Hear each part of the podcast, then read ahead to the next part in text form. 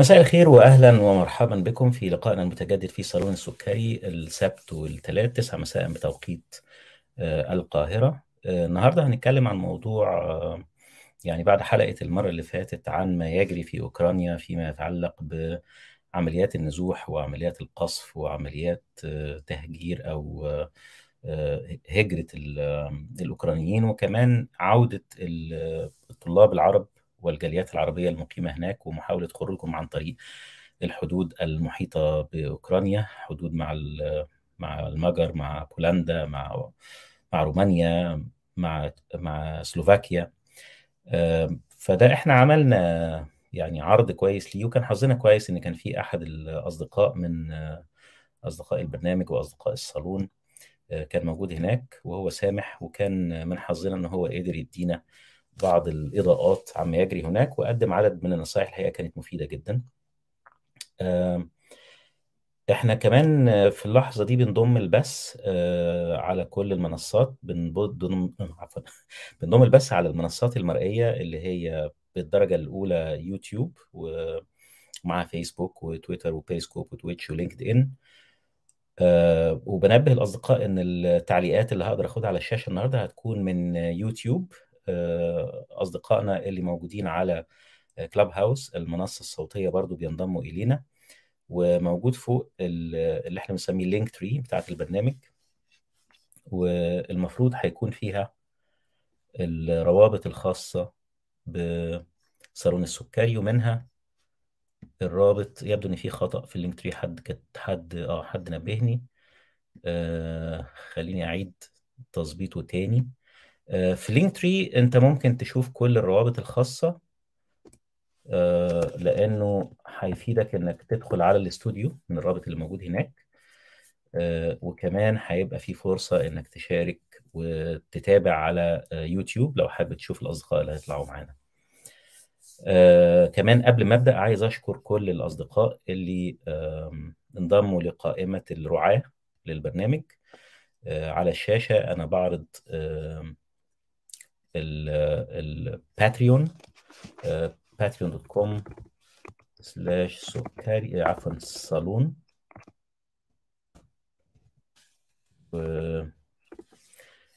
وصل عدد الرعاة إلى 18 راعي وده شيء جيد وجميل. إحنا في طريقنا لل للمية قريبا إن شاء الله. فبشكر كل الناس على ثقتهم في الصالون وعلى دعمهم. وبروح ناحية الكلاب هاوس كمان علشان نضم البث بشكل مرئي آه، عشان نشوف مين الأصدقاء شاركنا من هناك.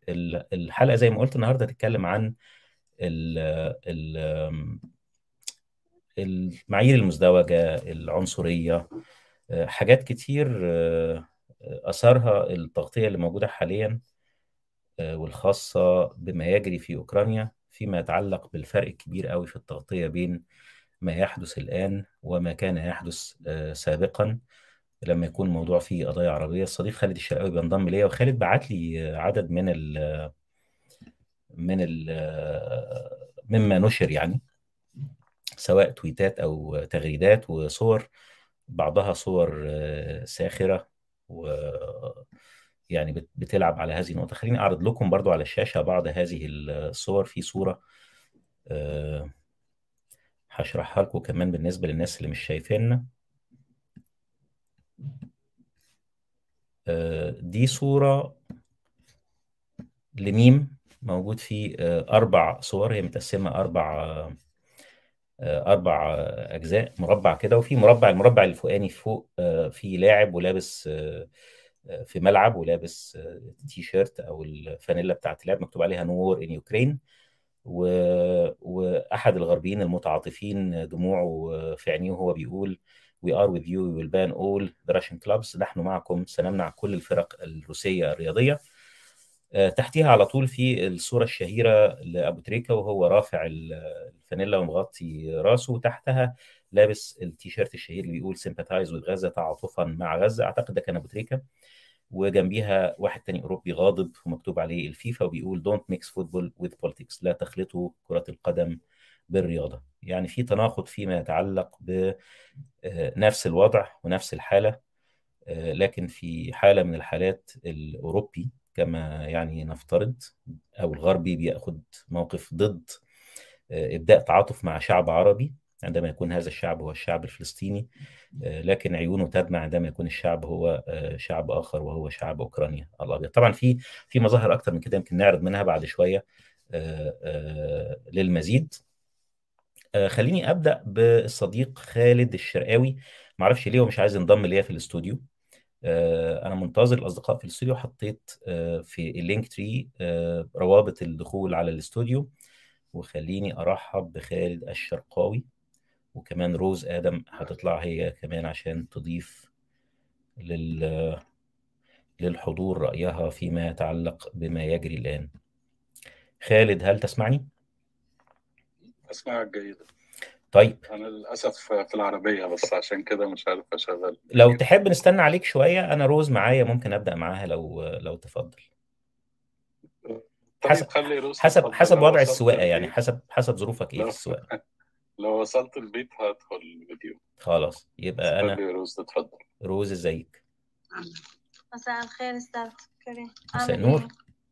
نحن بخير آه. طالما أنتم بخير. طمنيني عليك. قولي لي إيه إيه رأيك في فيما يجري وهل ترين فعلا إن في نوع من ال- ال- المعايير المزدوجة؟ أنا بخير. طبعا أنا من العراق. أوكي. تمام.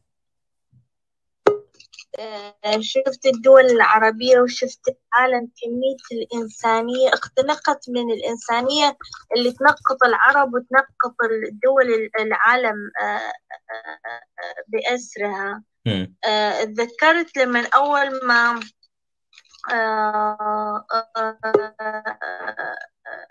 لما أول ما دخل علينا أمريكا ب 2002 2003 مم. آه، وكنا تحت القصف و...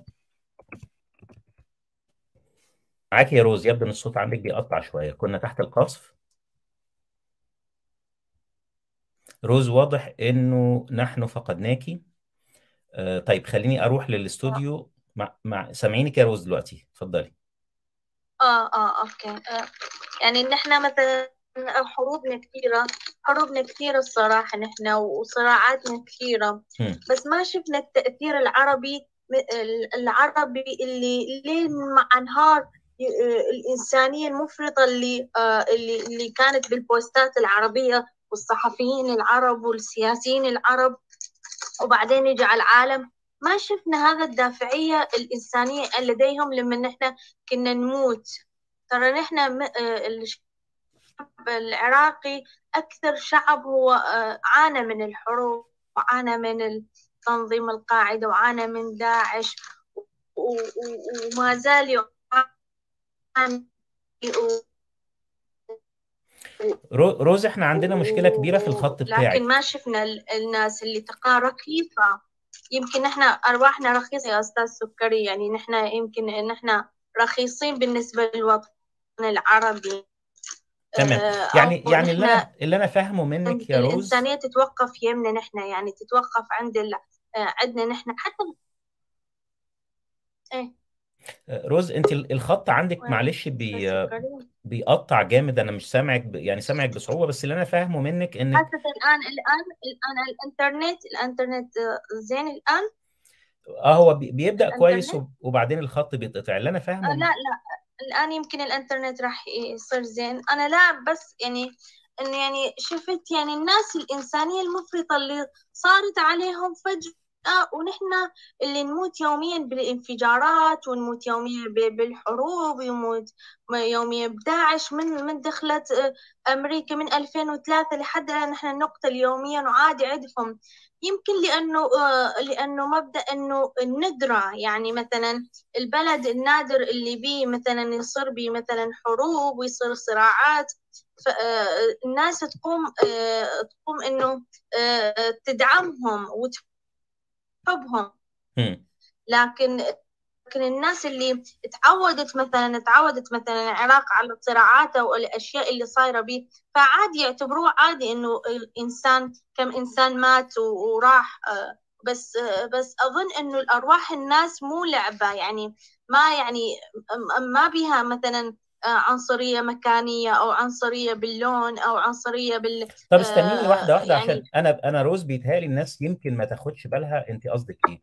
أنت بتنتقدي العرب اللي بينتقدوا ما يجري الآن و- وحسب ما أنا فاهم منك أنت شايفة إنه آه، من لا من لا ها. أستاذ لا لا أنا أنا انتقدت بس إنسانيتهم المفرطة ونسوا ونسوا دولة عربية بجانبهم أنا فاهم. وبصفهم أنا فاهم. وقريبة منهم قريبة منهم ما تعاطفوا إنسانيا بقدر ما تعاطفوا مع أوكرانيا.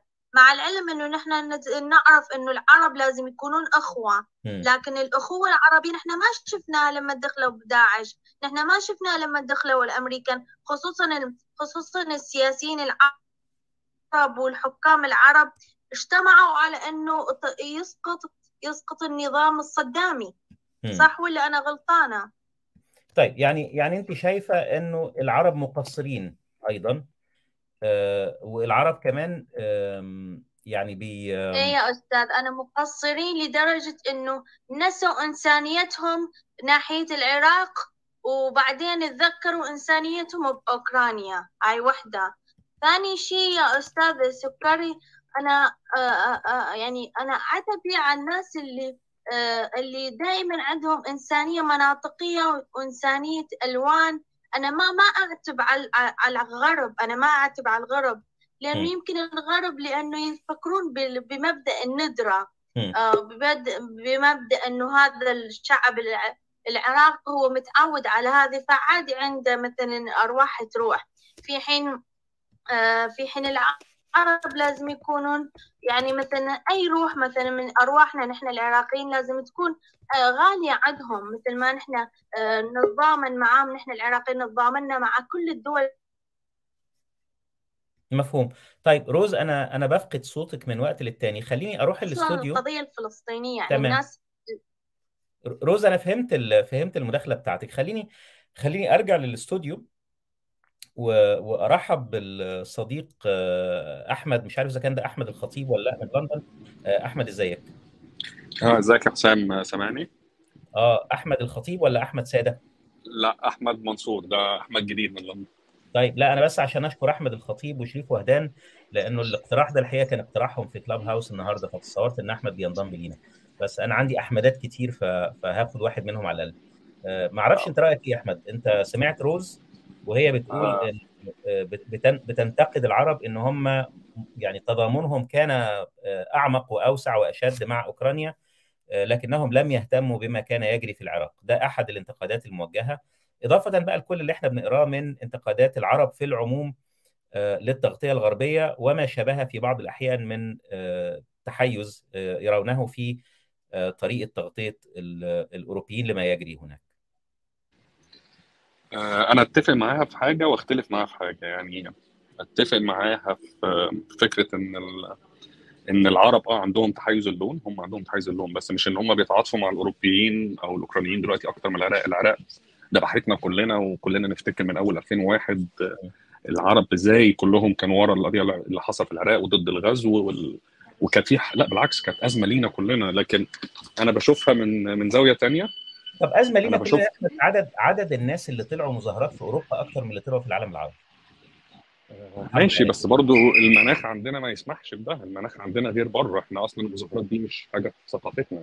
بس. بتكلم بقى حملات المساعدات نقابة الأطباء تطلع أطباء بلا حدود. يعني لا طبعا السينما ليله سقوط بغداد. ده إحنا ابتدينا لأن إحنا شفنا زينا زي العراقيين. ده اللي حصل في العراق هيحصل لنا بكرة. وكان كانت صعبة. بس أنا أنا بتفق معاه في إن إحنا عندنا عنصريه اللون بطريقة مختلفة. يعني افتكر مثلا في 2008 ولا 2009 لما ال- اللاجئين الأفارقة تم آه، فض الاعتصام بتاعهم بالقوة في ميدان مصطفى محمود ومات ناس كتير.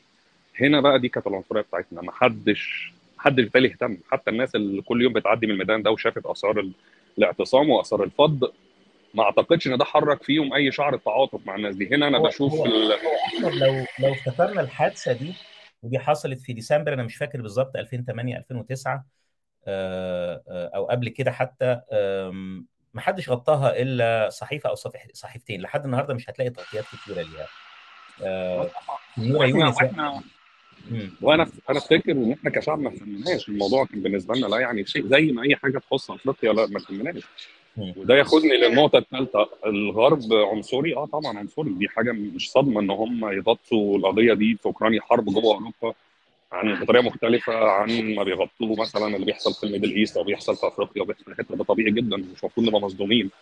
بس ال- ال- الفكرة إن إحنا كمان عنصريين يا جماعة يعني إحنا برضو لو إحنا هنغطي العراق وهنغطي فلسطين مش هنغطيها زي لو حصل حاجة في وسط أفريقيا أو حصل حاجة في مدغشقر.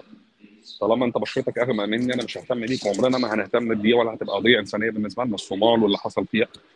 فهو العرب الغرب عنصري طبعا بس إحنا ما نفرقش عنهم حاجة. ولو إحنا أقوى من وضعنا دلوقتي كنا بنسيطر على ميديا بقى عالميه كنا هنعمل برضو بنفس الطريقة. ما أعتقدش إن إحنا مختلفين يعني. دي دي my point يعني. انت شايف ان دي إيه؟ طبيعي يعني يعني هل المسألة ليها علاقة بإن كل كل كل مجموعة ثقافية هتبقى متعاطفة أكتر مع الناس اللي زيها الناس اللي أقرب منها الناس اللي من لونها الناس اللي من دينها؟ ده ال- ده ال- ده النقطة اللي عايز تقولها؟ هل ده آه، طبيعي ده- ولا شايف إن هو بيعكس عنصرية عند الكل؟ آه، ده جزء منها طبعا. آه، عنصرية اللون دي اتزرعت فينا كلنا كدول يعني استعمرت سنين طويلة المستعمر إن كل ما لونك أفتح درجة كل ما كنت أنت أفضل. وبالتالي ده سبب إن ال- ال- الغرب زرع فينا دي الرجل الأبيض هو الأفضل فإحنا يعني برضه الغرب. هو اللي هيبقى مسؤول لا وإحنا مسؤولين لأن إحنا في إحنا فينا ناس مش عنصرية ما إحنا فينا ناس قدرت تفهم وتقرأ وتخرج وتحاول إن هي ال stereotyping ده أو التنميط أو إن هي تحكم على حد بلونه ما إحنا فينا ناس قدرت ده بس ده ال exception. الغالبية من دلوقتي لو كم واحد ممكن يقبل بنته تتجوز حد من أصول أفريقية مثلا في مصر مثلا؟ لو قلنا مجتمع زي مصر. مش سهلة.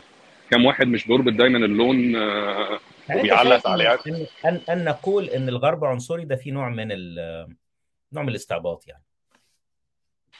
نوع من السذاجة يعني نوع من السذاجة إن أنا بقى النهارده بعد كل ده بقول آه الغرب النهارده عنصري. طبيعي إن هو عنصري ودي حاجة كلنا عارفينها.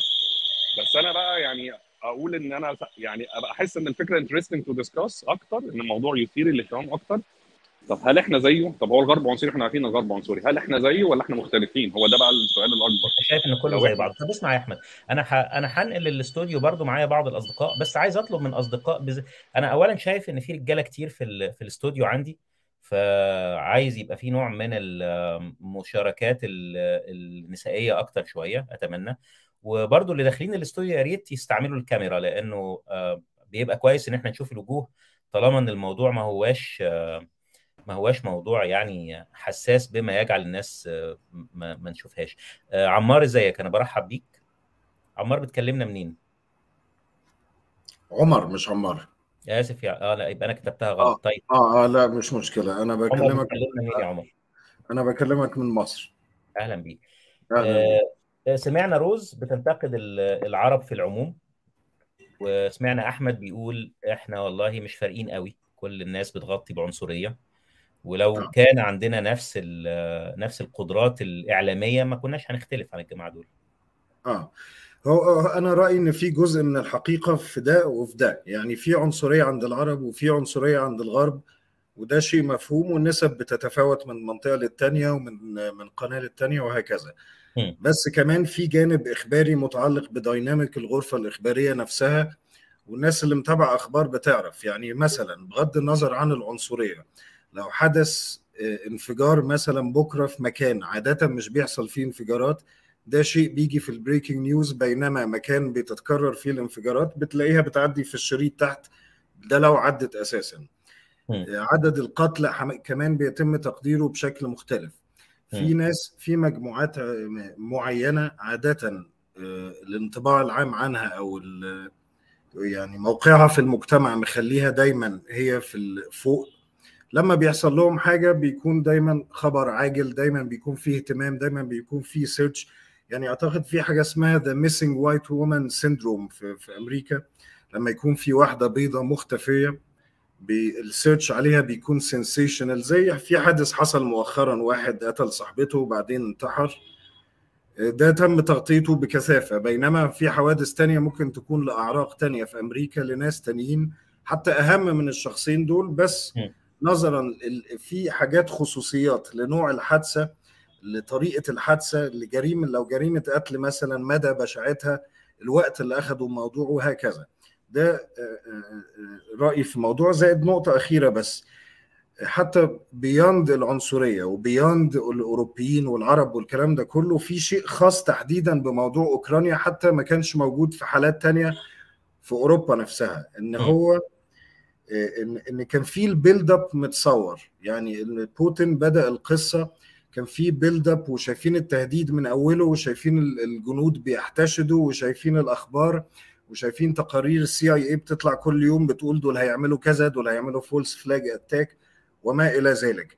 فالحاجات دي كلها خلت قصة أوكرانيا دي دونا عن سواها كمان followed والناس مطلعين عليها بشكل غير مسبوق. يعني حتى لو بصيت على أماكن ممكن يا ممكن يا عمر حد يقول لك طب ما هم برضو مركزين من بدري قوي قوي وما بيعملوش نفس التركيز معانا. يعني القضايا بتاعتنا بتبقى بتتطور وبيبقى معروف إن إسرائيل هتضرب وفي تصعيد. آه. لكن ما فيش نفس الاهتمام يعني كونها بدأت بدري نفس بدري الاهتمام نظرا للنقطة اللي قبلها إن هو م. المكان هل هو معتاد معتاد يسمعوا فيه أخبار من دي ولا لأ زائد م. المكان نفسه هل هو يعني قيمة الإنسان فيه بصراحة ده شيء كمان ما نقدرش نغفله لو في مكان قيمة الإنسان عالية إسرائيل مثلا قيمة الإنسان فيها للأسف الشديد الفاليو بتساوي عرب كتير من ناحية التغطية الإخبارية من ناحية تبادل السجناء من ناحية كذا وكذا وكذا وده كلام كلنا عارفينه. فلا فلما يكون فلما يكون مثلا خمسة ماتوا في إسرائيل ده بيبقى breaking news في النرويج وفي طوكيو وفي أستراليا والناس كلها بتاخد بالها منه بس لما يكون في عرب أكتر بكتير ميتين خصوصا في منطقة بيحصل فيها الكلام ده محدش هياخد باله. بس لو في منطقة تانية حتى لو عرب زي مثلا لو حصل الانفجار ده في المغرب المغرب كمان مكان مش معتاد إن هو تسمع عنها حاجات زي كده. فده بيكون برضو breaking news يعني أنا قصدي من الآخر إن في تفاصيل دقيقة جدا و intricacies في التغطية الإخبارية نوع الحدث ال build up عامل إزاي هل في images وصور متوفرة عنه ولا لأ؟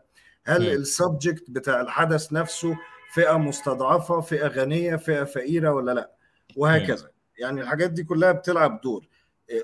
آه طبعا في عنصريه والعنصريه دي مفهومه وبنحاول نتغلب عليها بان إحنا بن raise awareness وكل واحد فينا بيدخل على فيسبوك بيكتب كلمتين وكده بس والموضوع بيتحسن يعني موضوع اوكرانيا ده هينعكس قدام على قضايا تانية زي فلسطين يعني اخر مره اخر حرب حصلت على غزه التغطيه فيها قضيه الشيخ جراح دي التغطيه فيها في أمريكا وفي الغرب وتعاطف الفئات كتير جدا كان غير مسبوق لأن الناس شافت صورة جندي سوري شافت صورة جندي إسرائيلي نازل بركبته على رقبة واحد فلسطيني. فده كان بعد جورج فلويد ما كان في ضابط أمريكي أبيض نازل بركبته عليه.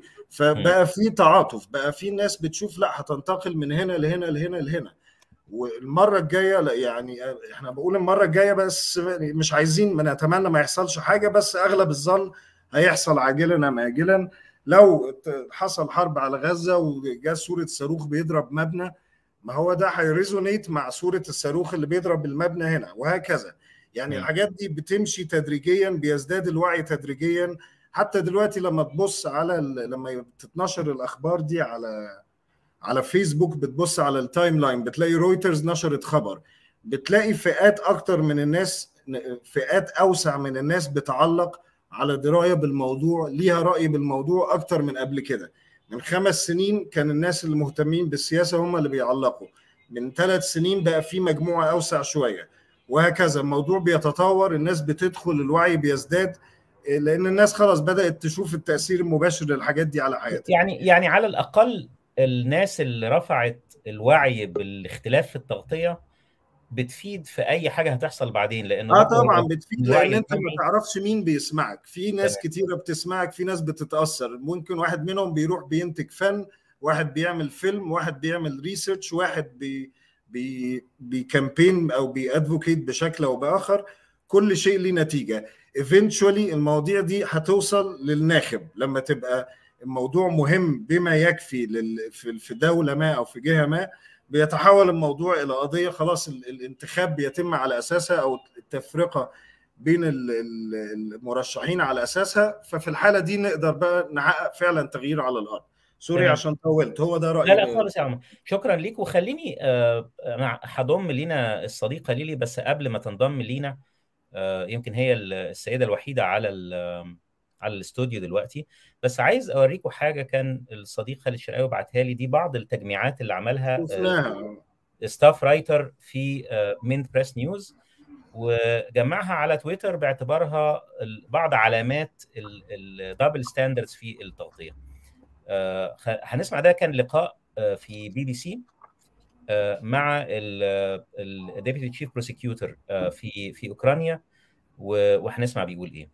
Me, I'm sorry. It's really emotional for me because I see European people with blue eyes and blonde hair being killed, children being killed every day with آه، بيقول يعني إن الموضوع emotional جدا يحرك عواطفي بشدة لأن أنا شايف آه، آه، ناس آه، عينيهم زرقاء وشعرهم وشقر آه، بيتقتلوا آه، كما لو كان إنه لو كان شعرهم أسود وعينيهم بني الوضع هيبقى مختلف آه، في حاجة تانية برضو جمعها آه، نفس الصحفي entirely. Uh, tens of thousands of people have tried to uh, flee the city. There will be many more. People are hiding out in bomb shelters. But this isn't a place, with all due respect, um, you know, like Iraq or Afghanistan, that has seen conflict raging. آه، ده آه، مراسل من مراسلي CBS News وبيقول يعني مع كل الاحترام دي ما هياش آه، بلد زي آه، آه، أفغانستان ولا العراق. دي دي مدينة أوروبية. For decades. You know, this is a relatively civilized, uh, relatively European, I have to choose those words, دي دي آه، مناطق تعتبر متحضرة وأوروبية. ما أعرفش إذا كان تعتبر ده مقبول ولا مش مقبول يا عمر. يعني هو بيقول حاجة مش مقبول. مش مقبول وعنصري وده اعتذر ولازم الحاجات دي نعمل لها هايلايت بس إحنا لازم نتمسك بال- بالحقيقة لأن إحنا عايزين نعرف إيه سبب التفاوت في التغطية ماشي. ونتغلب عليه. طيب بس أنت بتقول مش مقبول. لا ب- ب- من من جهة تانية ممكن الكلام ده يعتبر نفس العنصر اللي أنت قلته. ممكن الكلام ده يعتبر إن الراجل ده بيقول إنه هذه عواصم أوروبية وده بالظبط. شيء نادر. يعني انت قلت. حاجة انت قلت حاجة لا شبه بس هو قالوا ب- هو الطريقة اللي جابها طالما اتكلم عن العرق في الأول فده استفز ناس كتير بس مم. ده شيء يدان و- طبعا ده ش- ال- الكلام ده حقيقي وبشكل بلا تزويق وعشان كده هو صادم هو كلام عنصري ومفهوم بس أنا قصدي لما إحنا بنمسك في الحاجات دي بنتمسك فيها وبنقعد ننتقدها وبنخليها هي القضية المركزية إحنا بنخدع نفسنا لأن إحنا عايزين نعرف سبب التفاوت في التغطية عشان نحله عشان نجلب قضايانا ومشاكلنا للأمام عشان بس يتم التعامل معاها. يا عمر أنت قلت إن سبب التفاوت في التغطية بدرجة كبيرة هو الاختلاف. إحنا عندنا منطقة فيها حروب آه، دائمة فيها آه. ناس بتقتل كل يوم مش من المعتاد إن ده يحصل فيها وده اللي الراجل بيقوله تقريبا. هو بس زود إنه أنا إيه عارف بس مش كل. مش كل الصحيح مش كل الحق يتقال خصوصا إن ده بث أكيد يعني حضرتك عارف الكلام ده أكتر مني. بس اللي أنا بقوله إن التركيز الشديد مع دي واعتبارها هي دي المشكلة اسمه weak manning يعني بتدور على أضعف نقطة في خصمك وبتهاجمها وبتعملها مشكلة which is fine. بس أنا قصدي هو شيء لحظة مش لحظة مفيد. أنا عايز أفهم الارجيومنت بتاعتك. أنت عايز تقول لي إنه الحقيقة الصادمة عنصرية لكنها لكنها حقيقية آه. وإحنا وإحنا الأسباب تكتيكية لازم نمسك في ده بصرف النظر إذا كان الكلام ده عنصري ولا لأ. الحقيقة عنصرية. الحقيقة عنصرية للأسف الشديد. آه الواقع إن هم الناس دي فعليا قيمتهم في الحياة أعلى مننا الأسباب بيطول شرحها. وفي نظر حكومتهم وفي نظر آه، يعني يعني ده الواقع للأسف. وهو ده شيء صادم لأنه مش بيحصل كتير عندهم. والراجل بص على الخبر بي بي بي بي report من مكان وراه كنايس الأرض عليها cobblestone الجو برد. مكان بيئة مش معتادة بتشوف فيها حتى النار حتى من ناحية مشهدية بحتة و visual associations ال background اللي وراه دي مش background عادة بتلاقي فيها نار مولعة وعربيات مقلوبة وناس واقعة على الأرض. معلش يعني إحنا إحنا بنشوف الأخبار بقالنا 20 سنة. فده سبب صادم. هو إن هو ينفعل عاطفيا مع حاجة زي كده وهو راجل إعلامي وطالع على التلفزيون ده شيء إحنا بندينه. لأن مش معنى إن إحنا بنقر إن هو واقع وحقيقة إن إحنا موافقين عليه. يعني أنا بف... الكلام اللي قلته ده تفسير مش تبرير. أنا حاجات دي لا أتفق معاها لأسباب أخلاقية وإحنا لازم يكون عندنا أدوات وطرق ونعرف إزاي نحكي قصتنا ونجلبها للأمام. طيب لأن ده أنا عايز للأسف أنا عايز أعرض صورة على ذكر الخلفية. دي صورة من الصديق كمال الصباغ حاططها وهي صورة لغزة. ويبدو إنه بعض وكالات الإعلام الأوكرانية استخدمت صور من قصف غزة لتدعي أنه قصف كييف. ده بس على على ذكر اللي أنت قلته في سياق إنه بعض المشاهد اللي في خلف reporter مشاهد غير معتادة بالنسبة للأوروبيين. طيب أنا أنا فهمت وجهة نظرك. هي controversial برضه خد بالك يعني ما هياش ما هياش برضه سهلة القبول لأنك أنت بتقول إنه قيمة الإنسان كده ولا كده عندهم أعلى لأسباب كتير يعني. وده آه. وده واحد من من المشاكل اللي موجودة عندنا خلينا نشوف ليلي برضه بتنضم لينا ليلي إزيك مساء الخير إزيكم مساء النور إيه. مساء النور. أنت متابعة إيه.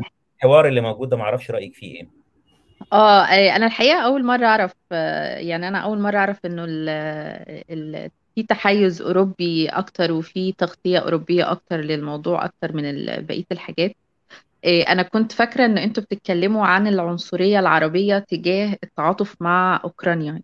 فلما دخلت وشفت الحوار اتخضيت برضه. واللي خضني إن واضح إنه يعني في النهاية كلنا عنصريين بلا استثناء يعني.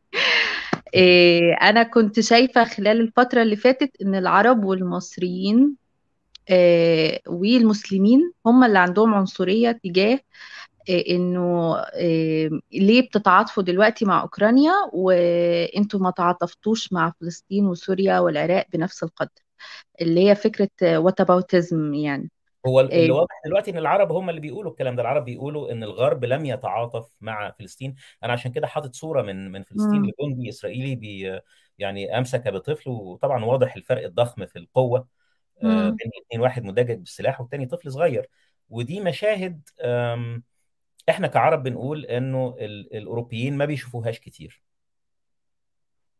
ما هو ده مفهوم يا جماعة. يعني أنا شايفة أنا متفقة مع أستاذ عمر إنه مفهوم إن هم يتعاطفوا مع أوكرانيا لأن أوكرانيا كانت بتنضم لحلف الناتو. أوكرانيا بتمثل جزء مهم بالنسبة لهم.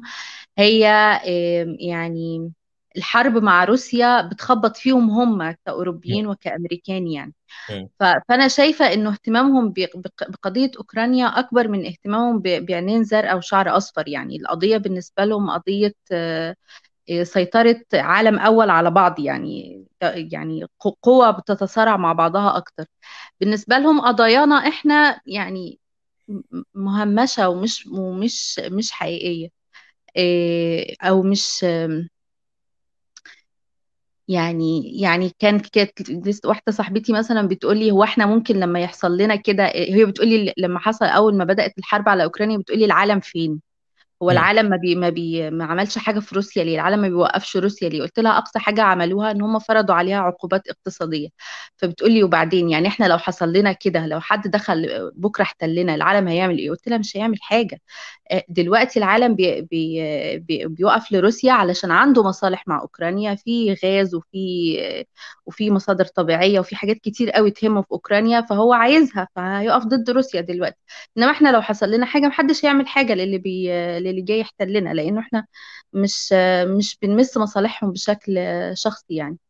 بس يعني المسألة في النهاية مصالح. طب خليني أوريكي حاجة برضو من ال- من الحاجات اللي بعتها لي الصديق خالد. دي تويتة أو تغريدة كاتبها واحد اسمه بول مارتن لقط فيها تغريدتين لمعلق رياضي أعتقد اسمه ستيفن بولارد. مم. صورة فيهم اتنين من اللعيبة أنا مش فاكر الموقف لأني مش مش مش مش من هواة الكورة قوي آه، بس رافعين علم فلسطين وهو كاتب بيقول The FA اللي هو أعتقد ال Football Association مم. لابد أن يتصرف آه، ليفرض عليهم عقوبة اللي هم الاثنين اللي رافعين العلم وبعدين في تويتة حديثة ليه آه، بيتكلم آه، عن آه، ليفربول وبيقول إن هو شايف إنه لازم ال ال الناس تلبس أو اللعيبة يلبسوا تي شيرتات عليها أعلام أوكرانيا. يعني في في تغريدة بيرفض فيها تدخل السياسة لأنه في فلسطين في الموضوع وصورة تانية بينادي فيها بتدخل ال- السياسة في الرياضة لأنه المرة دي هي أوكرانيا. لا طبعا دي ازدواجية معايير رهيبة الحقيقة و... و... وتخض بصراحة يعني دي حاجات تخض لأنه الواحد كان متعود على الحاجات دي يعني أنا أنا يعني داخلة أتكلم على أساس إن الواحد متعود على الحاجات دي موجودة عند العرب إن إحنا. طول الوقت عندنا ازدواجية المعايير دي طول الوقت بنتكلم عن آه ليه بتتعاطفوا مع أوكرانيا يا جماعة؟ بتتعاط- ما بتتعاطفوش مع روس... آه سوريا بما فيه الكفاية ولا ولا العراق بما فيه الكفاية؟ ونفضل ندعي لل... للمسلمين والمصريين اللي في أوكرانيا ربنا يحفظهم وم- وما يحفظش بقية الناس.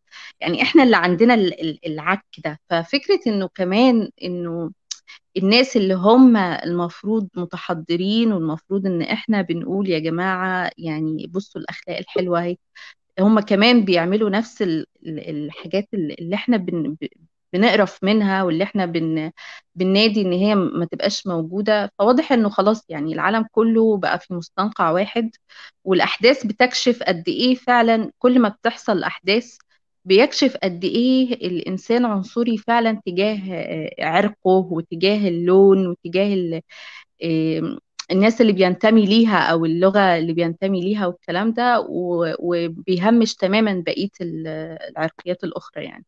طيب ايا كانت هوريكي هوريكي حاجة تانية برضو من ال من المجموعة اللي جمعها ألان ماكليود وبعتها لي خالد.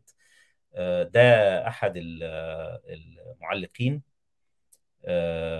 وكان بيقول على قناة الجزيرة الجزيرة الإنجليزي.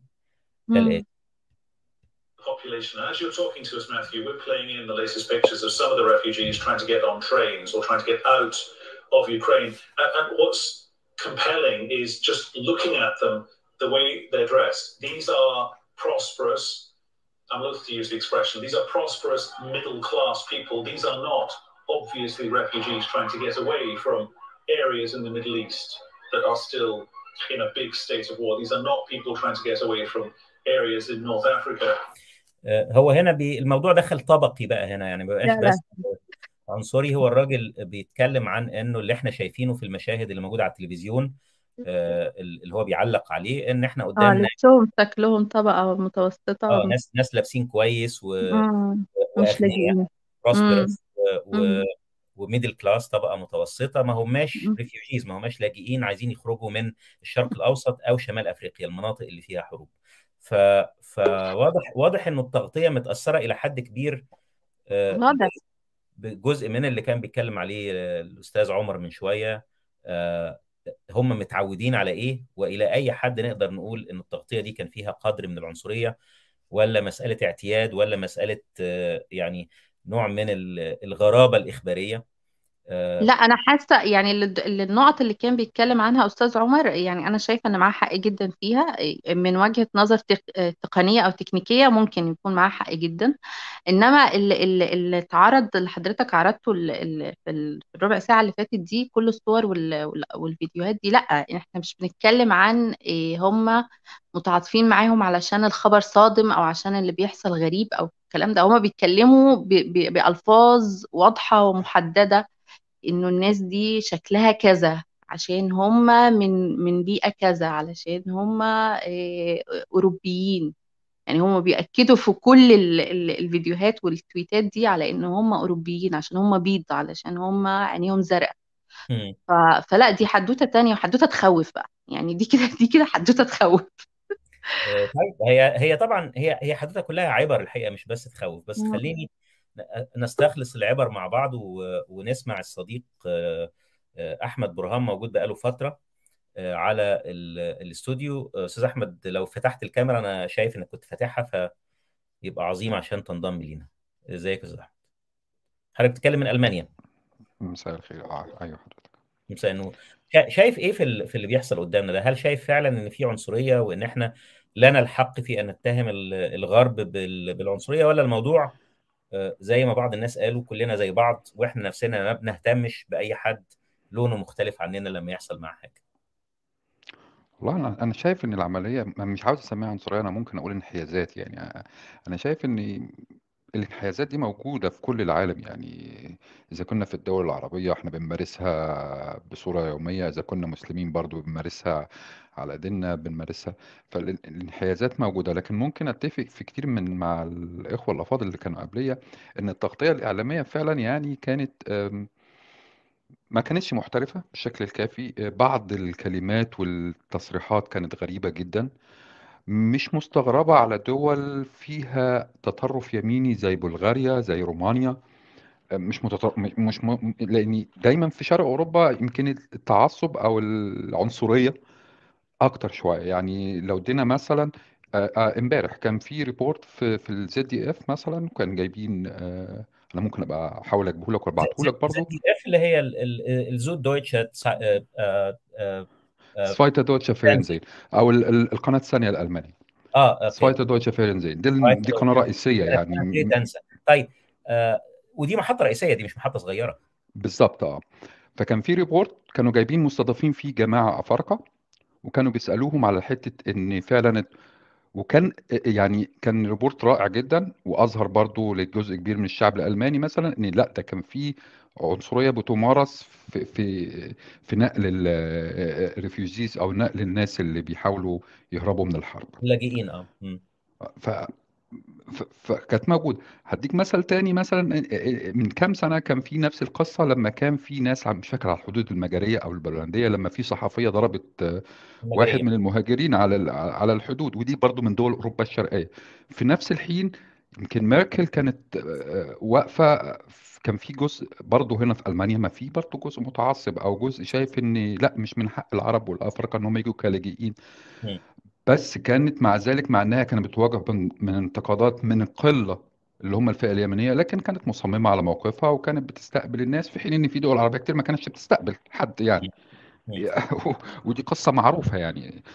ف أنا شايف إن التحيز أو العنصرية موجودة في كل الدنيا. موجودة عندنا العرب موجودة عند ال... الأوروبيين والأمريكان بتتفاوت بنسب كل ما زادت يعني كل ما زاد ال- التعليم أو كل ما زاد آه، التنظيم كل ما قلت العنصرية في المجتمع. يعني في ألمانيا فيها عنصرية آه فيها عنصرية بس مش هتقدر تقارنها بنفس العنصرية اللي موجودة في بلغاريا أو في رومانيا أو في دول أفقر شوية أو في دول أقل حظا يعني في أوروبا. آه، إن إنما العنصرية موجودة هتفضل موجود وهتفضل موجودة للأسف لأنك مش هتقدر تغير في جينات البشر كلها مرة واحدة. أنا أنا لسه عايز أفاجئكم بحاجتين كده وإحنا بنتكلم بس خلينا نكمل الحوار لأنه في في كام نقطة كده أعتقد إن هم ممكن ما يكونوش ظاهرين قوي. لو ما حدش قالهم هضحي بنفسي وأقولهم. بس خلينا آه، نسمع من باقي الأصدقاء. لو كنت خلصت يا أستاذ أحمد لو عندك إضافة تانية قبل ما أنقل على آه، صديق آخر. شكرا شكرا جدا يا أستاذ كريم. شكرا. شكرا طيب هديل هديل معانا. هديل بتنضم لينا. بتكلمي منين يا هديل؟ هل تسمعينني؟ هديل في الاستوديو. معرفش أنا الميكروفون بتاعك مش واصل. هو مفتوح بس بس مش واصل. معرفش انت سامعانا ولا لأ. طيب خليني أشوف الصديق التعمري مساء الخير تحياتي. تكلمنا منين؟ فلسطين. أهلا بيك. قول لي كيف كيف ترى ما يجري؟ أنتوا طبعا في قلب ال في قلب ال الحرب نفسها. و و وكيف ترى ما يجري الآن؟ هل إحنا كعرب لنا من من الحق الأخلاقي إن إحنا نقول والله الجماعة دول عنصريين ضدنا؟ ولا ده وضع طبيعي لأنه زي ما بيقولوا ما يجري في أراضينا أصبح شيء معتاد؟ والله أنا بقول إن آه، العنصرية الأوروبية شيء طبيعي جدا. آه، لأن كل شعب في عنده أولويات. يعني أنت كمصري الدم المصري عندك أهم من الدم الجنوب إفريقي هم. والمسلمين في عندهم حاجة اسمها الولاء والبراء مثلا يعني. كذلك الأمر الأوروبيين عندهم فقه الأولوية هذا الشخص الذي عيونه زرقاء وشعره أشقر آه، له الأولوية آه، العجب أننا نظن أنه ليس عندهم أولوية العجب أننا نخدع عندما يقولون لنا البشر متساوون ونحن إنسانيين وهذه الخطابات الرومانسية. العجب أن نصدق هذه آه، الخطابات. ال- الوضع الطبيعي أن يكون عنصري. الوضع الطبيعي أن يكون آه، إذا أردت أن أخفف اللفظ سوف أستعمل لفظ لا لا أولويات است- استخدم ما تشاء من ألفاظ بس أنا عايز أقول أرخص كلامك في نقطتين لأن أنا حاسس إن إحنا ممكن نطلع بإشكالية صغيرة. خليني أقول لك يعني أنت بتقول إنه من الطبيعي إن هم يكون عندهم هذا الميل لأنه كل إنسان بيتعاطف مع جنسه مع دينه مع محيطه وفي نعم نفس الوقت صحيح بتقول بتقول انهم إنهم يدعون الإنسانية وهذا دليل على كذب ادعاءاتهم صحيح كده؟ نعم صحيح طب هل معنى كده إنك أنت شايف إن الإنسانية دي كذبة في الأساس؟ يعني أنا كنت متخيل إن إحنا هنقول مثلا نحن نؤمن بالإنسانية وهؤلاء هؤلاء المدعون كاذبون ولكننا لا نريد أن نتخلى عن إنسانيتنا ونتمنى أن يكون العالم كله إنساني يتعاطف مع كل ما يجري فيه مثلا. لكن في حاجات بتخلينا نتعاطف وحاجات لأ و... ولازم نفكر فيها. لازم أبقى في وقت من الأوقات قادر أن أتعاطف مع المظلوم في جنوب أفريقيا أتعاطف مع المظلوم في الصين دون النظر للجنس. لكن اللي أنت بتقوله شكله كما لو كان يؤسس لأنه هذا النوع من التعاطف العنصري أو اللي بعض الناس وصفته ان هو عنصري مقبول. وده مقبول حتى دينيا. أنت بتقول كمسلمين في عندنا الولاء والبراء وبالتالي ما هو مقبول لديهم؟ يصبح مقبول لدينا والعنصرية هنا والعنصرية هنا وهي مش عنصرية بقى خلاص.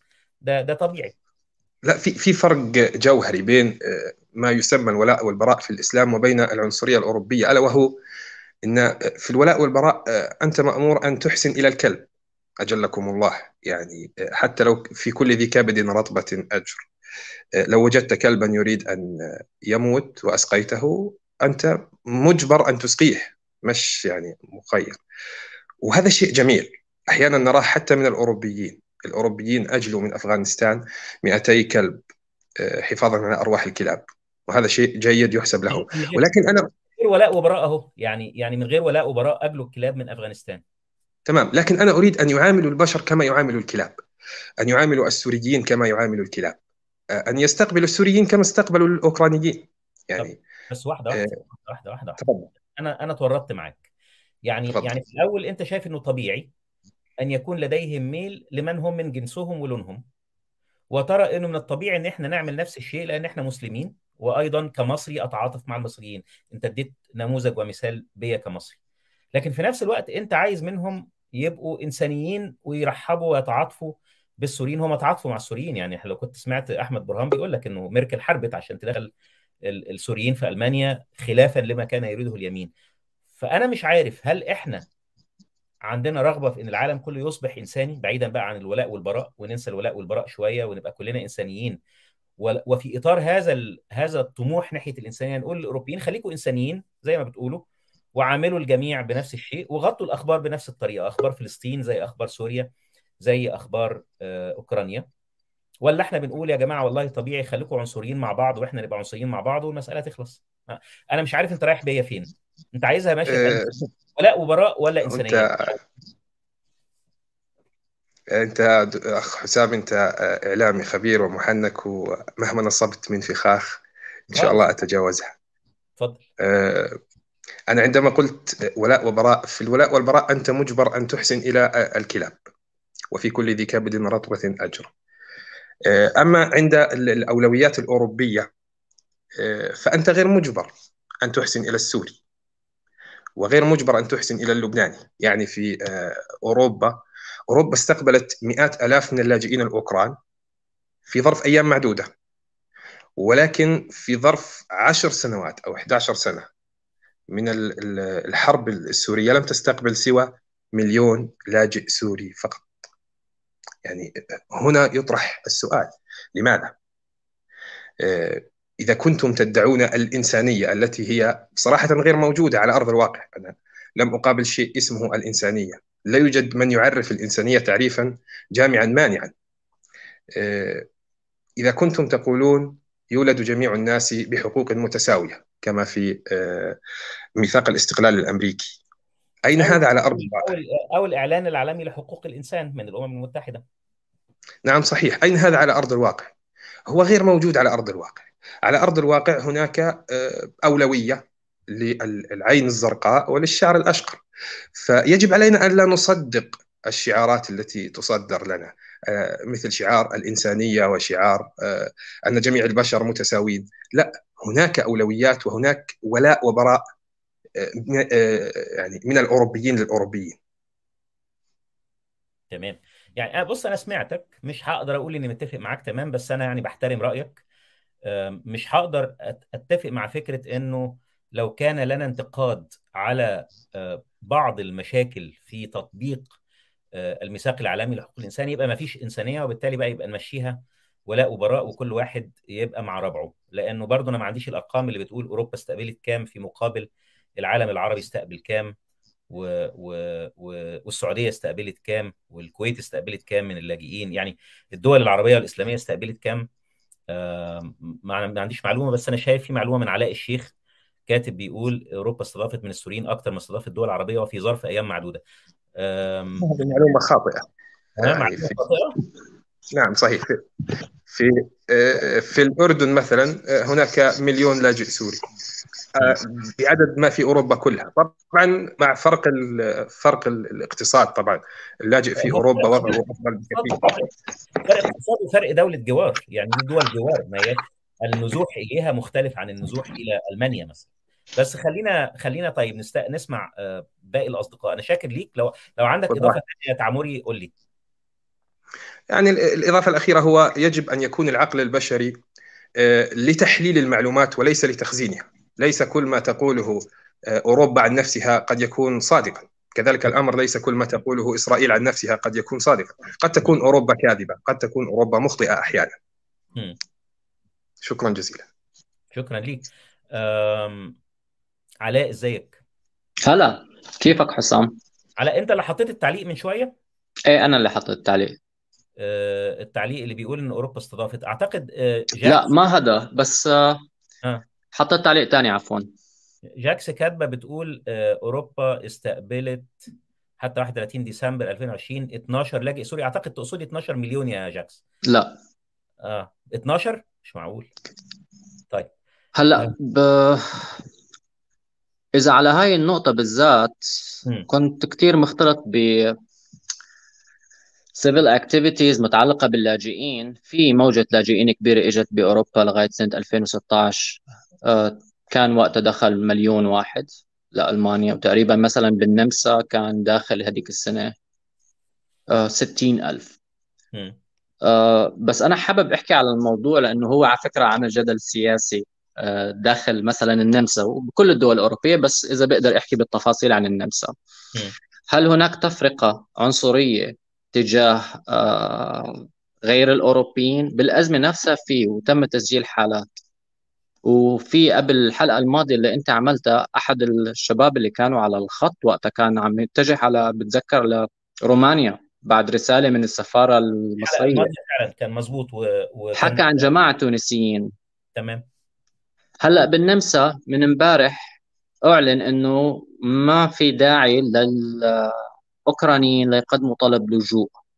بالنمسا بيقدروا يضلوا ثلاث سنين من غير تقديم طلب لجوء مم. والحكومة آه، هي المكونة من الأوفا بي حزب الأوفا بي وحزب كتير محافظ مثل حزب ميركل بألمانيا باتجاه محافظ أكثر وكان ضد اللاجئين بتذكر قبل فترة ب- آه، باليونان انحرق مخيم للاجئين السوريين وكان في 1500 آه، طفل ماينر يعني. مدينة آه، فيينا طلبت إنها تاخذهم والحكومة رفضت أطفال ماينرز وما لهم أهل يعني. هلأ طالعين وعاملين تقريبا شبه حملة دعائية لاستقبال الدع... اللاجئين.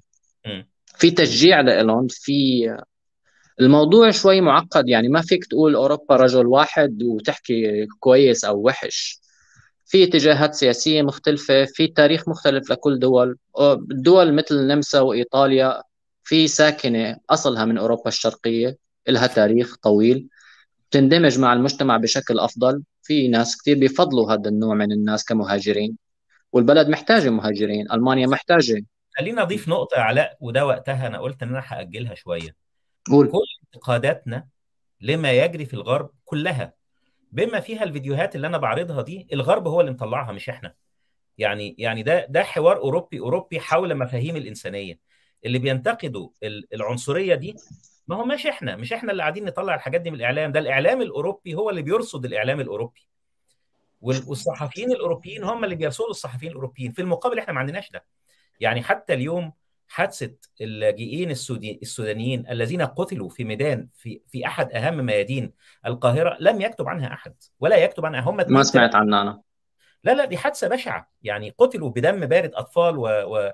وشيوخ ونساء وأطفال. قتلوا بدم بارد لأنهم لجأوا في لميدان مصطفى محمود. كان قدام مفوضيه اللاجئين وبقوا هناك لأيام والناس انزعجت جدا وقال لك بيوسخوا الميدان. جات القوات طردتهم بالعافية وفي العملية دي تم قتل عدد مش قليل يعني. ولم يكتب عنها وقتها إلا واحد أو اثنين حتى هذه اللحظة ما بيكتبش عنها كتير. حدث مثل هذا لو صار بأوروبا بتقوم الدنيا. بتقوم الدنيا وبتقع حكومات مش بس بتقوم الدنيا. لكن هلا لكن في في جدلية سياسية مثل ما قلت وبنفس الوقت في أصوات من جوا أوروبا آه، اتجاهاتها حتى مو ضروري يسارية يعني. مثلا. بالنمسا دولة تعتبر social democratic الحزب الأهم كمان الحزب الأحمر هون ال SPÖ. كثير مستغربين وعم ينتقدوا عم يحددوا هاي النقطة إنه اشمعنى هدول؟ لأنه هدول بيض و... والتانيين لا. في جدلية عم تصير. فإنك تحكي على كل أوروبا مثل ما حكينا ما ما أعتقد رح تعطيك آه، تحليل منطقي للموضوع. بس بنفس الوقت بدك تحكي على العنصرية اللي صايرة. في عنصرية في في آه، واضحة في آه، محاولة لتهويل الموضوع لأنه هاي كمان جزء من لعبة سياسية. آه، حجم لجوء كبير بيعمل ضغط نفسي على الجميع وفي اتجاه إنه يصير ضغط نفسي. ممكن يعني من أساليب الحرب. فيا هاي هذا اللي كنت بدي أحكيه. ما فينا تمام. نحكي على كل أوروبا كظلم كتير. في كتير ناس بساعدوا السوريين اللي إجوا لهون اللي بيقعدوا يحكوا إنه السوريين ما تعاملوا بشكل جيد. نحن هون بنواجه عنصرية. لكن العنصرية هاي سيستميكلي أقل من اللي بنواجهه ببلدان العربية. تمام. يعني أنا بالنهاية إلي وفي نفس آليات وفي أقرب للتعامل وفي آليات للتعامل معاها كمان. في آليات منهجية للتعامل معاها لما تحصل. بالمهم هو القوانين مجموعة القوانين إنه لما يحصل شيء بالشارع مثل ما قلت في آلية في إني أروح أشتكي من على عدة جهات وإني أعمل مشكلة كبيرة كمان وأخذ حقي وأنا مبسوط وممكن أستفيد جدا من الموضوع. في آليات آه، للتعامل مع الموضوع سيستميكلي أقل العنصرية اللي واجهناها يعني بصراحة مزحة بالنسبة للعنصرية اللي أنا كشخص شفتها ببلدان عربية كتير. لدرجة إنه مرات بعد حكي كتير مع زوجتي اللي هي نمساوية آه، بالأخير قالت لي علاء ليش بتشتكي من العنصرية اللي هون يعني مم. طالما أنت شفت هذا يعني المفروض تكون مبسوط إنك آه، فأنا قلت له لا هذا رأي سياسي اتجاه سياسي وهون أنا بقدر أعبر عن رأيي بأماكن أخرى ما بقدر أعبر عن رأيي كنت حكيت أكثر لو بقدر كنت عملت نشاطات أكثر وواجهت الموضوع بس بتعرف برا ما فيك أو جوا ما فيك برا بأوروبا فيك تحكي. مم. فكمان كتير ظلم إنه آه، أعتقد يعني مثل الواحد بيعض اللي إيدة تمدت له هي ما أنا إيدة تمدت لنا بس في كتير أشياء إجت منيحة من تجاه كثير من من كثير ناس هون من الشعب من الحكومة في كثير ناس استقبلت في ناس أخذت وانت بالبيوت في ناس آه، حطت حالها تتحدث قانوني مشان تساعد ناس تانيين. الموضوع ما مثل ما البعض متصورين اللاجئ ال- السوري هون عايش حياة كريمة له حقوق ممكن يجهلها هو لأنه جديد بالبلد أكيد بيواجه نوعية من العنصرية لكن هي أقل من يمكن من العنصرية اللي واجهناها نحن كسوريين بسوريا العنصرية سوري بهالكلمة اللي بين ابن حلب وابن دمشق بتخلي العنصرية اللي واجهناها هون مزحه.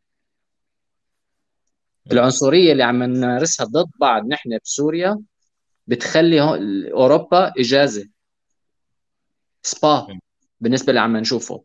فإن نقعد نشتكي بشكل في مقارنة ونقول إنه هدول مدعين لا ما هم مدعين. في اتجاهات سياسية مختلفة بأوروبا وأكيد في اتجاهات في اتجاهات نازية. آه شبه معلنة يعني.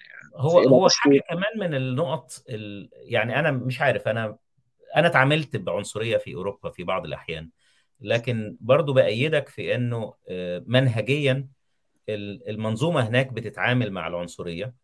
وممكن تاخد حقك أسهل بكتير من إنك أنت تاخد حقك لو أنت أسمر اللون مثلا في بلد عنصري ضد السمر أو ضد السود في العالم العربي مش هتاخد حقك خالص. وأنت لا بتحكي عن اللي الناس عملته بشكل تلقائي آه، افتكرت post كانت كاتباه الصحفية بسمه مصطفى هي مقيمة برلين دلوقتي وابتدت تستقبل مكالمات من عرب ومصريين من اللي كانوا آه، هربانين من أوكرانيا. وبعضهم قدر يوصل لحد برلين. من ضمن الحكايات اللي كانت بيحكيها في post قريته النهارده إنه آه، أحد اللاجئين أعتقد إن هو كان جزائري وزوجته مش فاكر إذا كانت أوكرانية آه، لكن ما كانوش عارفين يسكنوه. في النهاية اللي سكن هذا الجزائري آه، سيدة ألمانية. هي اللي تبرعت بإن هم يلاقوا له مكان سكن لحد ما يقدروا أو لحد ما حكومة برلين تقدر توفر أماكن لأن الأماكن اكتظت يعني. وده حصل مع السوريين برضو في البداية. يعني في ناس كتير استقبلوا السوريين في بيوتهم.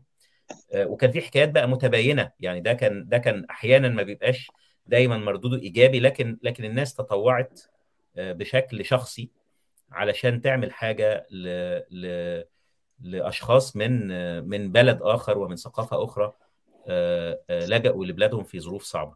علاء أنا أشكرك وأنا هرجع للصديق شريف بس أنا عايز أشغل الفيديو الصغير ده آه، برضو كنموذج من النماذج اللي, اللي اللي اتشافت وبعدين هروح لكلاب هاوس واخد شكرا حسام صديقي خالد شكرا يا علاء وخالد الشرقاوي وبعدين ارجع لك يا شريف بس خلينا نشوف ال- الفيديو ده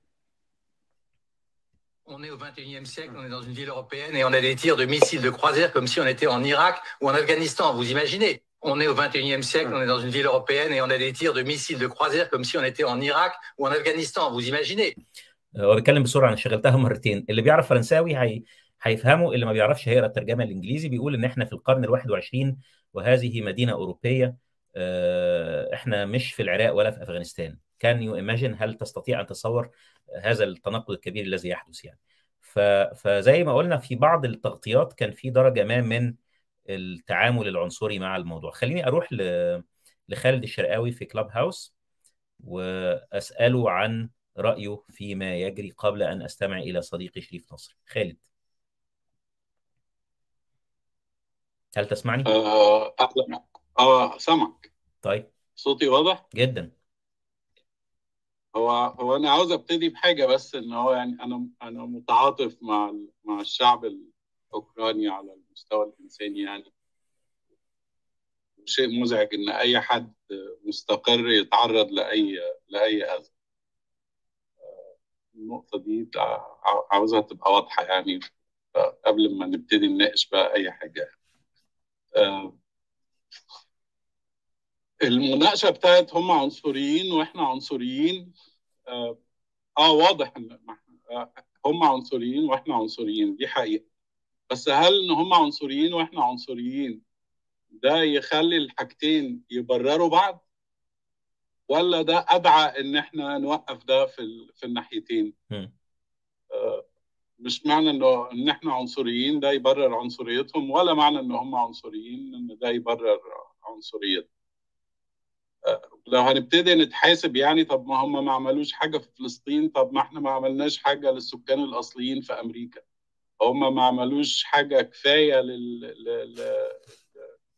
أيا كان يعني المشاكل في اليمن ما إحنا ما عملناش حاجة للتاميل في في سريلانكا. يعني ممكن بقى نقعد إيه نعاير بعض بفكرة مين عمل ومين ما عملش ويلا نتحاسب على طبعا على اختلاف يعني أهمية اللي حصل سواء بالأعداد أو أو التأثير أو كل ده. لكن فكرة إن إحنا هنبتدي نغلط بعض كلنا غلطانين. وأنا مش عاوز كلنا غلطانين ده يبقى المبرر إن إحنا نستمر في الغلط. أنا عاوز كلنا غلطانين ده يبقى يبقى رصد يخلينا نشوف إزاي هنحل الغلط مم. ال ال ال أنا في رأيي إن في رأيي الشخصي يعني إن ال bottom line أو يعني ال ال ال آخر الموضوع ده هو مش إن هم عنصريين وإحنا عنصريين والإعلام متحيز والاتحاد الأوروبي و, و, و واتحاد الكرة الأفريقي ولا الاتحاد الدوري الإنجليزي ولا كل ده ال ال ال ال آخر الموضوع ده إن إحنا أضعف إحنا فعلا أضعف. فبالتالي وإحنا أضعف ده. لا اللي بيحصل عندنا مهم ولا اللي بيحصل عندنا مؤثر. آه، ولا صوتنا مسموع. ولا قادرين إن إحنا نغير أي حاجة. وده ده اللي إحنا محتاجين نشتغل عليه. عاوز أدي مثال؟ بما إن الكورة جت في الموضوع آه، وهو يعني ال- العنصرية للأسف يعني هي حاجة مهينة. يعني أنت لو رحت سألت واحد أمريكاني دلوقتي أي واحد أمريكاني اللي يعرف واحد أمريكاني يكلمه في التليفون ولا يبعت له مسج يسأله كم واحد مات في العراق هيقول له 4000 هيقول له العراق اتقتل فيها 4000 أو 4400 ده معناه إن هو بيعد الأمريكان بس. ما هم دول. دول العساكر الأمريكان اللي اتقتلوا في العراق. هو مش شايف مئات الالاف التانيين مش حاسبهم أساسا. آه فده حاجة يجب رصدها ولازم تتحط في وش أي حد. لا ده مش 4000 ده مئات الآلاف. مات. أنت بس مش حاسب ال... مش حاسب التانيين.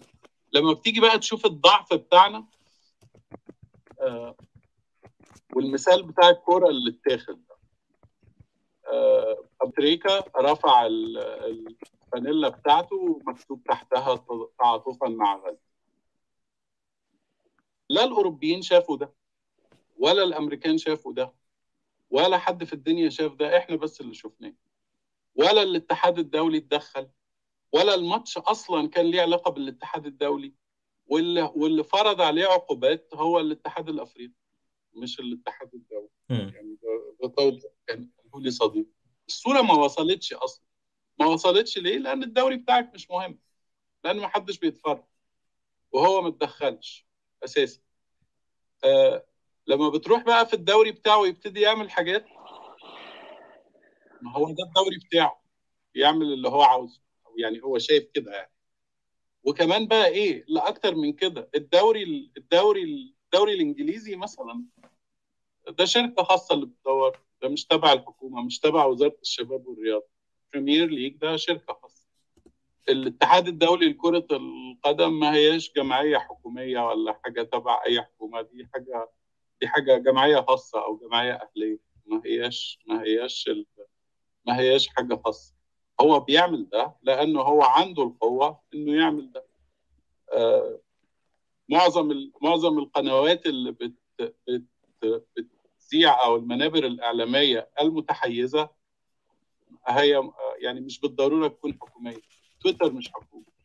لما واحد يطلع يقول رأيه ده مش رأي حكومة ده مش الغرب كله.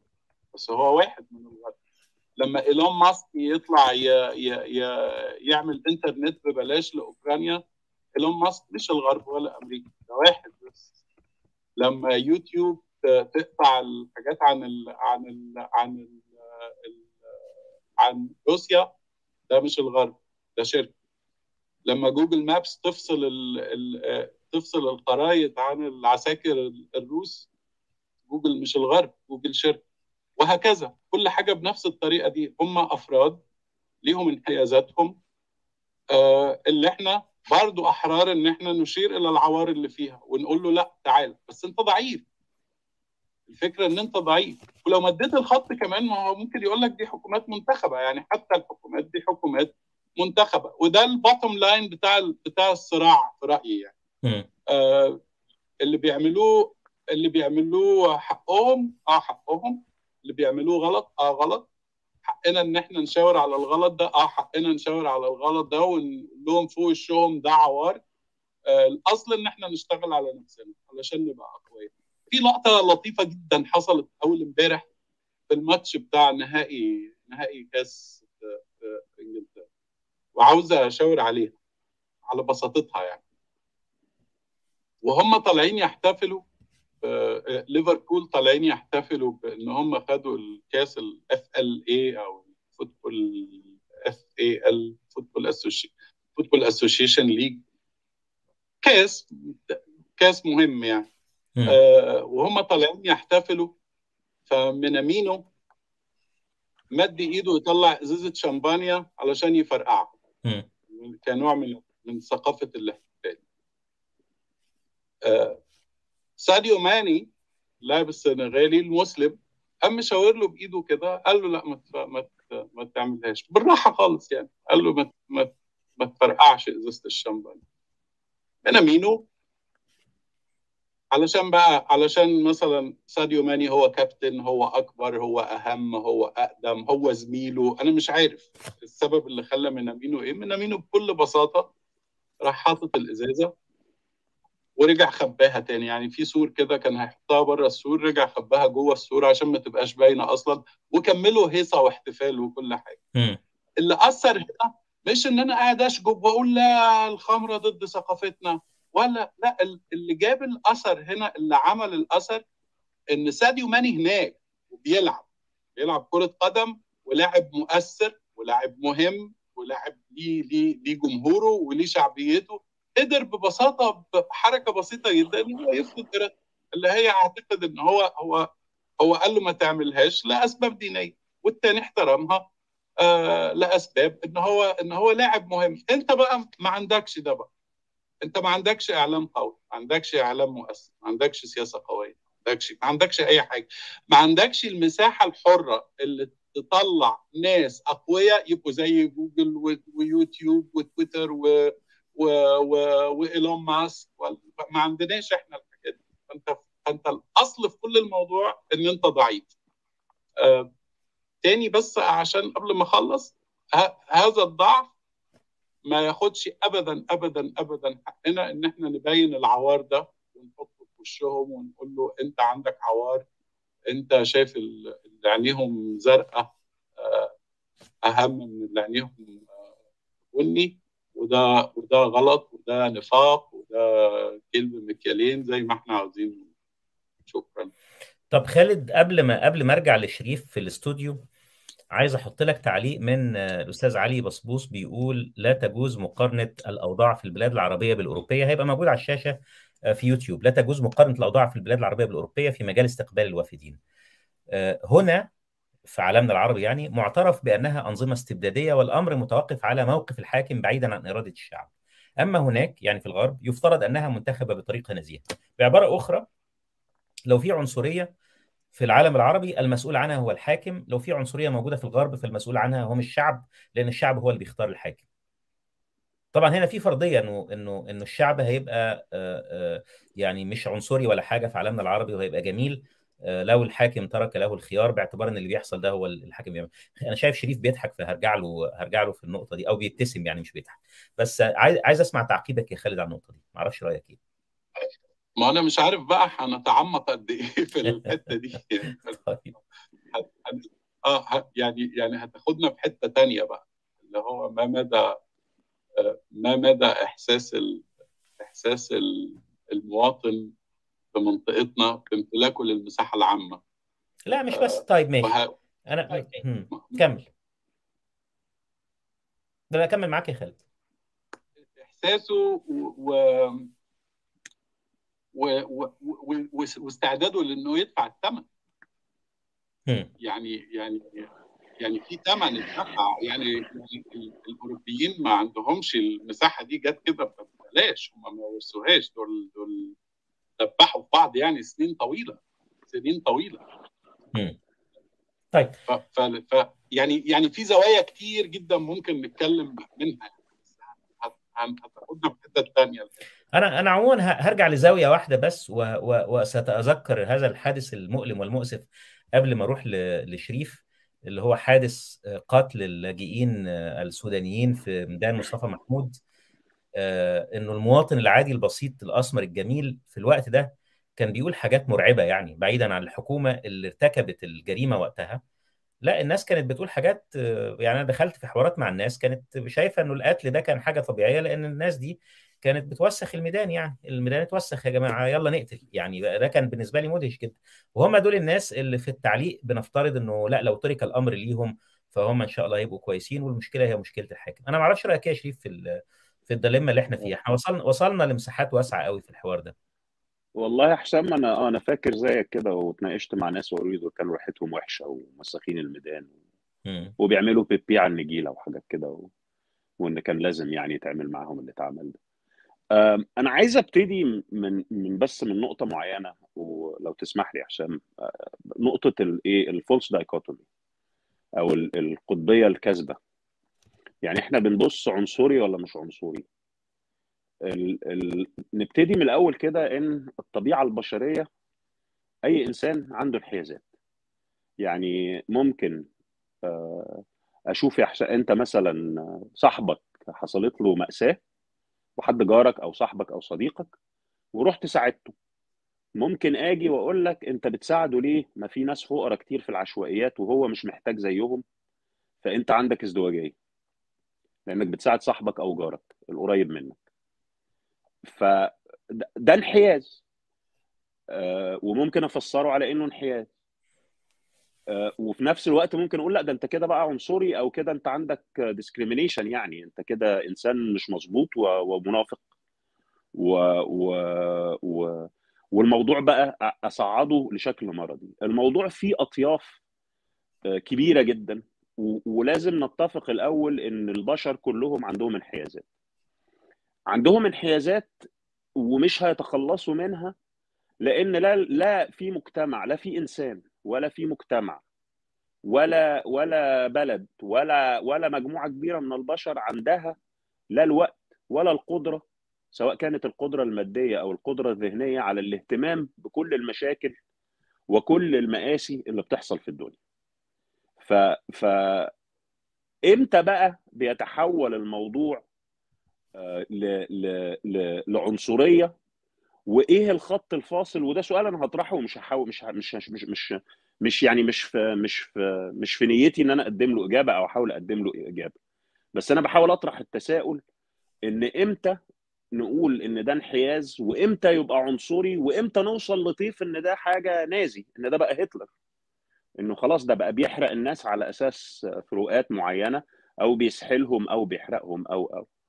ناس كتير قوي اتكلمت عن ازدواجية المعايير عندنا آه، سواء في, في اتكلمنا عن أفريقيا وفي, وفي عمرنا إحنا. حضرنا مذبحه من أكبر المذابح في رواندا وبوروندي في التسعينات آه، ما ما غطيناهاش اعلاميا آه، ولا اهتمينا بيها. الإنسان من طبيعته بيهتم بالحاجة القريبة منه. ممكن قريبة منه إن حد يهمه أو مرتبط بيه عاطفيا. ممكن قريب منه لأن هو شايف إن هو طرف في الصراع ده أو طرف في الخبر ده أو طرف في الحاجة في الحدث أو إن الحدث هو مش طرف فيه بس هيأثر عليه بشكل كبير. الموضوع أعقد بكتير قوي من إن إحنا نفسره تفسير واحد. آه، هل الغرب عنده انحيازات؟ بالضرورة. ما حدش يقدر ينكر. وهل الغرب فيه ظواهر عنصرية بالضرورة وما حدش يقدر ينكر؟ بس ال- السؤال هنا بقى المقياس إيه؟ يعني في الرياضة في الرياضيات لو أنا حطيت ال- المقياس النهائي ما لا نهاية أي رقم هقسمه على ما لا نهاية هيطلع صفر. فهنا المليون هقول المليون بيساوي الخمسة. ال ال ال ال الأستاذ اللي شارك قبل مني من فلسطين قال ما فيش حاجة اسمها إنسانية. لأن أنا ما شفتهاش عمري و و و و وما فيش حاجة في الدنيا اسمها إنسانية. آه، أنا في رأيي إن دي اسم على ما لا نهاية. إن إحنا كده بنقسم على ما لا نهاية. ما هو أنا كل حد في الدنيا ممكن يكون بيمارس القسوة. وبالتالي أنا أس... ألاقي حاجة وأقول خلاص مفيش إنسانية خالص. وممكن أرد برضو وأقول مفيش حاجة اسمها إيمان. مفيش حد مؤمن. يعني بالتعريف كل ابن آدم خطاء. فلو أنا خدت تعريف الإيمان إن محدش بيغلط في حق ربنا أو في حق دينه أقول بنفس هذا المنطق مفيش حد مؤمن. ف... فأنا عايز دي دعوة بس للتروي شوية قبل ما نبتدي نوصف كل حاجة بإن هي عنصرية وبإن هي موجهة. و... و... أو حتى نبتدي نقارن قبل ما نبتدي نقارن بين اللي بيحصل عندنا واللي بيحصل في الغرب. آه، من هنا بقى هروح فين هل في فرق في التغطية بتاعت أوكرانيا مثلا وتغطية فلسطين؟ آه طبعا في فرق في الاهتمام. ممكن أقول إن في فرق في الاهتمام. فرق في الاهتمام جزء منه آه، بيمثلوا الحاجات اللي أنت عرضتها اللي خالد بعتها. وفي رأيي ده جزء مش كبير. وكمان إحنا عملنا عرض ودورنا على الحاجات دي بعينها. إحنا ما عملناش مسح للتغطية الإعلامية كاملة. ومدى آه، تغول النوعيات أو العينات من الخطاب اللي اتعرضت هنا. هل في انحياز وهل في عنصرية؟ آه بس السؤال لأي درجة؟ وليه إحنا ما بنقفش لما حد يعني أنا لسه شايف post على فيسبوك مثلا عن أوكرانيا حد بيقول اللهم نجي المسلمين اللي في أوكرانيا. طب هل ده post عنصري ولا مش عنصري؟ هل ده post منحاز ولا مش منحاز؟ وال وال وال sexist بقى ال posts الجنسية بقى على ال- آه بالظبط. وغزو الأوكرانيات والسبايا الأوكرانيات واللاجئات الأوكرانيات الحلوين الشقر اللي كلنا هنتجوزهم. أو الرجالة بيحلموا. يعني بلاش خليها مشيها نتجوزهم أحسن مشيها نتجوزهم. إحنا على الهوا.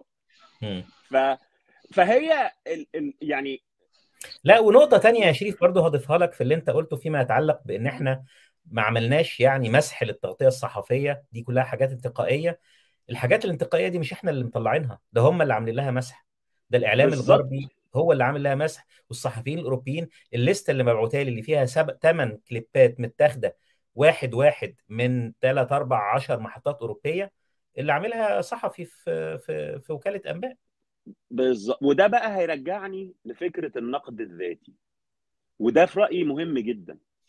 هل الغرب ما تاني يعني أنا أنا عارف إن كلامي هيتفهم على ناس كتير إن هو دفاع عن الغرب وانبطاح والكلام اللي بنسمعه ده. بس بس نفكر فيها بالعقل كده. فكرة النقد الذاتي يعني حد ذكر مثلا ال ال ال الافتتاحية بتاعت الدستور الأمريكي أن كل الناس خلقوا أحرارا ولهم نفس الحق في البحث عن السعادة إلى اخره وال pursuit of happiness والحرية وإلى اخره آه، جميل. تاني لو أنا قسمت على ما لا نهاية هيطلع كله صفر. بس لو جيت بصيت لده كمبدأ حاكم اتفق عليه. المبدأ الحاكم ده عمل إيه في هذا المجتمع؟ ال- ال- المجتمع الأمريكي لو رجعنا لأوله كانت الحقوق لملاك الأراضي. وبعد كده بناء على المبدأ الحاكم ده زق المجتمع في اتجاه إنه الحقوق تبقى بعض الحقوق تتساوى أكتر. زق هذا المجتمع لحرب أهلية عشان تحرير العبيد. وزق هذا المجتمع علشان الستات يبقى عندها الحق إن هي تصوت. وزق هذا المجتمع علشان الحقوق المدنية اللي حصلت في الستينات. هل هو لا يزال فيه عنصرية؟ آه طبعا لا يزال فيه عنصرية. إنما هل المبدأ الحاكم ده ملوش قيمة؟ برنسبل ده ملوش قيمة وهو صفر؟ لا طبعا ال guiding principle ده ملوش قيمة وهو صفر. أنا حتى لو بصيت في أحقر ال- ال- الممارسات السياسية سواء كانت إمبريالية أو كولونيالية إلى آخره هذا المبدأ الحاكم هل أسلوب ال ال ال الاستعماري زي ما هو أيام ما الأسبان كانوا بيروحوا أمريكا اللاتينية؟ لا ما كانش ما يعني ده مش دفاع عن الإمبريالية ولا عن الكولونيالية عشان ما حدش يفهمني غلط. هل الإمبراطورية الأسبانية والبرتغالية كانت بتتعامل مع الشعوب المحتلة زي الإمبراطورية الفرنسية زي الإمبراطورية الإنجليزية من بعدها زي الهيمنة الأمريكية دلوقتي أم هل في تطور لهذه القصة؟ ف ف ف فشوية بس من ال... يعني نحاول نبص للموضوع بشكل أقل عاطفية وأكثر نقدا إن إن ال- ال- الفكرة معقدة. هو مش فكرة هو أخطر حاجة إن هو عنصري وأنا عنصري وعشان أنا ما عنديش بقى القدرة على النقد الذاتي فهقع في الفخ إن كلنا زي بعض وخلاص ومفيش إنسانية ومفيش حاجة. ويا عم إحنا الفرق بيننا إن هم معاهم فلوس وإحنا معناش فلوس مثلا يعني. إنما اخلاقيا لا إحنا كلنا زي بعض إحنا أحسن منهم كمان.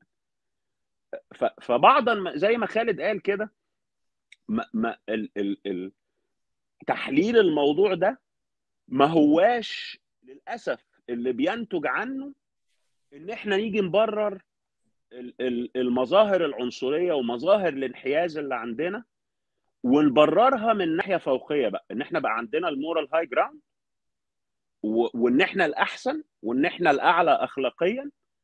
وإن نشوف العالم الثانية دي هي عالم منافقة وبتفرض رأيها بالقوة وخلاص بس ده ده كده يعني إيه تلخيص سريع ل... ل... لبعض الأفكار اللي, اللي, اللي مرت عندي وأنا بسمع المداخلات اللي موجودة احسن شكرا يا شريف. وبص أنا طبعا بعتبر إن رأيي واحد من الآراء مش عايز الناس تفهم اللي بقوله باعتباره الخلاصة من الكلام اللي الناس قالته كله أو إن هو ال- الرأي الحاسم يعني في الموضوع. شريف عايز أنا أنا آه في نقطة كمان أنا أنا نسيت أتكلم فيها. لازم نفرق بين حاجتين برضو. لأن لأن حصل بيحصل فيهم خلط وأنا حسيت بده في مداخلات كتيرة النهارده. إحنا ممكن إحنا في حاجتين ممكن بنعترض عليهم أو بنقيمهم. مستوى التغطية أو كمية التغطية.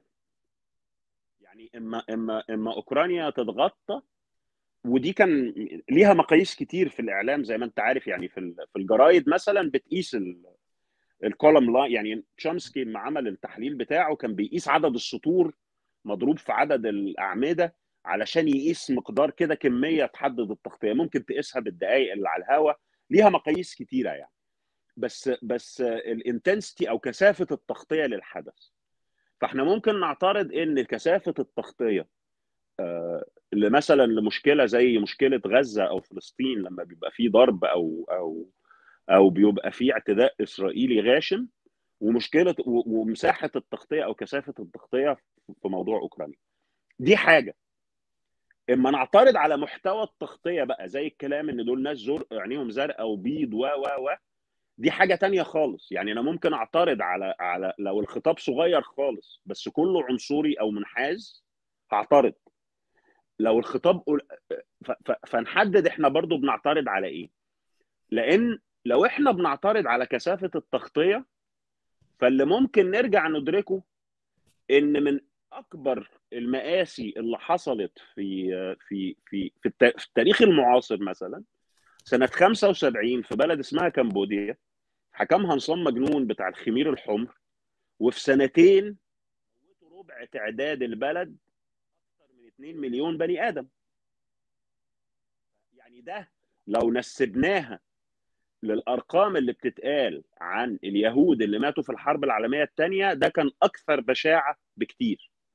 2 مليون بني آدم ماتوا في حوالي سنتين. وماتوا موت شنيع. فلو خدنا هذا الحدث وابتدينا ندور على مقدار التغطية فإحنا فشلنا. يعني أنا لو رجعت للإعلام المصري في وقتها ولا الإعلام العربي فإحنا فشلنا فشل ذريع. يعني لو يعني قبل ما نتكلم على العنصرية نرجع شوية كده ونفكر. اللي بنطلبه اللي بنطلبه من الناس أو اللي بنتوقعه من الآخر. وهنا هتيجي حتة النقد الذاتي وال self reflection زي بالظبط اما حد يطلع يقول لك لا أنا من حقي كأغلبية إني أقهر المخالف وإن أنا أقهر حد عشان نسبته صغيرة في المجتمع. والغرب ويقول الغرب عنده ازدواجية وفي نفس الوقت يطلع يعيط عشان مسلمين الإيجور. أو عشان بورما. فهي الحل أو ال- ال- ال- ال- التركيز في رأيي عندنا هو هو بداية مش مش الجلد الذاتي بس النقد الذاتي. أنا ما بحاولش ما بحاولش أعمل جلد ذاتي هنا. أنا بحاول أقول نبتدي نفكر شوية ويبقى عندنا القدرة على السيلف آه معلش أنا آسف النقطة دي افتكرتها في الآخر يا حسام. شكرا إنك رجعتني. لا شكرا يا شريف. أنا زي ما قلت أنا يعني ما عنديش آه، رغبة في إن أنا أفرض ما يمكن اعتباره conclusion أو خاتمة للحلقة آه، آه، بفترض فيها إن إحنا كلنا وصلنا لنتيجة معينة بس أنا ليا رأي في الموضوع. وعايز أحط بس شوية highlights واحد منهم إنه نقطة النقد الذاتي دي خليني أبدأ بيها. اللي إحنا بنشوفه من خلال انتقاد وسائل الإعلام ده نقد ذاتي غربي. آه، وإحنا ما بنفهمش ده وبناخده باعتباره هدم الفكرة المساواة أو هدم الفكرة الإنسانية في العموم. يعني هم بيعملوا ده بدافع تصحيح الوضع بتاعهم وبدافع إن هم يحطوا خط تحت ممارسات هم شايفين إنها غير إنسانية ولا تتفق مع اللي هم عايزينه. إحنا بدل ما نبص لنفسنا برضو عشان نشوف إحنا بنعمل إيه إحنا بناخد اللي هم بيعملوه ده ونس... ونستخدمه في إن إحنا ن... ن... نقوي مشاعر التفوق الأخلاقي اللي أنا ما أعتقدش إنها مستندة على فاونديشن قوية على على قواعد قوية. ال- الحاجة الثانية إنه إحنا عايزين نروح فين؟ ودي حاجة برضو قالها خالد من شوية. يعني أنت لما تشوف بعض مظاهر عدم المساواة في مكان ما ضمن إطار النقد الذاتي ده هل هتستند إليه في إنك أنت عايز تقول يا جماعة لازم كلنا نؤمن بالمساواة ولازم كلنا نؤمن بالإنسانية ولا أنت عايز تستخدمه في إنك أنت تقول يا جماعة خلاص مفيش مساواة ناكل بعض؟ مفيش مساواة يلا بقى نشغلها ولاء وبراء. وطبعا حكاية الولاء والبراء والكلب دي أنا عندي عليها تحفظات لأن الموضوع الحقيقة أسوأ من كده بكتير. آه، أي أي منظومة استعلائية مبنية على الطائفية هي منظومة مدمرة. وأنا طبعا لا يمكن أتفق مع فكرة إنه أنا كمسلم لازم أتضامن مع المسلم اللي زيي ولازم أتضامن مع المسلم زيي ضد غير المسلم. ده موضوع أنا المفروض أتضامن مع المظلوم. الحاجة الثالثه المهمه إن في حاجة في الإعلام بنسميها إحنا ال relevance اللي هي درجة ارتباط الحدث بالشخص أو بالمجموعة من الناس. ال relevance ده اللي هو أنا علاقتي إيه بالحدث. ال- البشر في الطبيعة الحدث اللي بيحصل قريب منه يعني لو واحد قريبه حصل له حادثة غير ما يسمع إن في واحد رجله اتكسرت يعني لما ابن عمك إيده تتكسر غير ما واحد في آخر الشارع غير ما واحد في بلد تانية. آه، آه، وده اللي بتعتمد عليه الأخبار. يعني لازم الأجندة بتاعت الأخبار تبقى ضمن الحاجات اللي بتبص عليها مجموعة العوامل. اللي ذكر منها الأستاذ عمر شوية كتير يعني في الأول. يعني واحد منها الحدث ده غريب ولا لأ؟ مستغرب ولا لأ؟ زي حكاية بقى الست اللي كانت عضت الكلب والكلب اللي عض الست والحاجات دي كلها. هل هي مستغربة ولا مش مستغربة؟ هل هي جديدة ولا مش جديدة؟ آه، منطقة بيحصل فيها حوادث كل يوم وتقول لي إن في واحد اتنشل هناك. ماشي يعني. لكن واحد اتنشل مثلا وهو في الريتس في الأوتيل بتاع الريتس أو في أوتيل سبع نجوم دي هتبقى غريبة شوية. ففي حاجات بعض العوامل اللي هي مفهومة باعتبارنا الناس بنشتغل في صناعة الأخبار هتبقى مفهومة في النهاية. لكن في الآخر برضو إحنا بنحاول نحط معايير أخلاقية.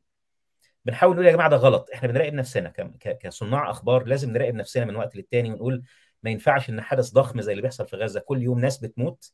إن إحنا نتجاهله لمجرد إن ده بيحصل كل يوم. إحنا لازم نلاقي له زاوية جديدة. طالما إن هو حدث مهم وبيمس قطاع واسع من البشر أنا عارف إنه حادثة موت 10 في مكان تاني آه، هتبقى مختلفة لو لو في أستراليا أو في نيوزيلندا أو في البلاد الهادئة الساكتة. وحادث قتل 100 في غزة يمكن ما يعملش نفس الأثر بس إحنا كإعلاميين عندنا مسؤولية أخلاقية بنحاول بقى نتعامل مع الموضوع ده. فالسؤال مش بس اللي بيحصل ده بنفسره إزاي السؤال إحنا عايزين نعمل إيه؟ إحنا عايزين نعمل إيه كبشر؟ وعايزين نعمل إيه كإعلاميين مهتمين بإن الإنسانية دي تاخد بالها من بعضيها؟ وعايزين نعمل إيه فيما يتعلق بنقدنا الذاتي لما نفعله في مقابل ما يفعله الآخرين؟ في البالانس في المعادلة الحقيقة أنا لما بشوف إن إحنا بنحاول نستعلي اخلاقيا على غيرنا هقول لا أنا آسف والله. ال- الست اللي ماتت في في في في فلسطين كان اسمها ريتشل كوري. دي ست أمريكانية ما هياش ما هياش من عندنا ماتت في غزة تحت الجرافات الإسرائيلية. أنا ما أعرفش كام واحد مننا بيفكر يطلع مظاهرات لحد تاني ملناش علاقة بيه. مظاهرات عشان أمريكا اللاتينية. المظاهرة بتاعت لندن اللي طلعت عشان حرب العراق في في فبراير 2003 حسب التقديرات البي بي سي وهي عادة بتبقى محافظة جدا في التقديرات قدرت مليون بني آدم طلعوا رفض للحرب في العراق. مليون بني آدم في يوم واحد في مدينة واحدة. أكبر حدث احتجاجي سياسي في تاريخ لندن. إحنا بنعمل إيه لينا أو لأي حد تاني؟ ما هو ده السؤال. يعني هل إحنا فعلا هل الحكاية فعلا هي حكاية الحاكم هو اللي منعنا إحنا يعني قاعدين مقطعين بعضنا على التضامن في ثقافتنا التضامن مع الآخر ولا لأ؟ هو ده السؤال. ولا إحنا بنغذي مشاعر الاستعلاء في التلفزيون وفي الإذاعة وفي الإعلام وفي الجامع وفي المدرسة وفي كل حتة. فهي السؤال الكبير إحنا عايزين نعمل إيه؟ مع نفسنا ومع غيرنا والطموح بتاعنا هل هو طموح استعلائي ولا طموح إنساني في عمومه. عموما أنا شاكر لكل الأصدقاء اللي اللي يعني انضموا لينا النهارده. أنا استمتعت بال- بالأفكار الكتيرة. ويعني هيكون لينا زي ما قلت آه، وأقول دائما لقاءات كثيرة. أرجو من الأصدقاء اللي بيتابعونا على آه، صالون السكري في يوتيوب يشتركوا في ال ال عن طريق ال- الزرار الأحمر اللي أنا وريته تحت الشاشة كده على إيدك اليمين وأنت بتبص على الشاشة يمين تحت. آه، و يعني هكون سعيد بلقاءاتنا المقبلة إن شاء الله. إحنا النهارده الثلاث يبقى لقائنا الجاي هيكون يوم السبت 9 مساء بتوقيت القاهرة. بس هيكون في لقاءات أخرى على كلاب هاوس لأن أنا مخطط لعدد من الغرف الاستثنائيه آه، لموضوعات حساسة وحرجة سوف أكشف عنها في حينها إضافة إلى إن أنا هيكون في فيديو آه، قريبا عن آه، القصة بتاعت مجدي الجلاد وإبراهيم عيسى والمعراج والفيديو الغريب اللي عمله مجدي الجلاد تعقيبا على ما فعله إبراهيم عيسى واتهامه ليه بأنه ضمن مجموعة من الناس كانوا بيخطط ليهم ويجهزوا حاجات من النوع ده. فدي محتاجة وقفة شوية مع الصديق والرفيق وباقي الإخوة والأصدقاء. آه، شكرا ليكم وشكرا شريف إنك أنت فضلت معايا في الشاشة عشان ما أبقاش لوحدي. و- شكرا يا حسام إن شاء الله في ال في ال في الأيام القادمة.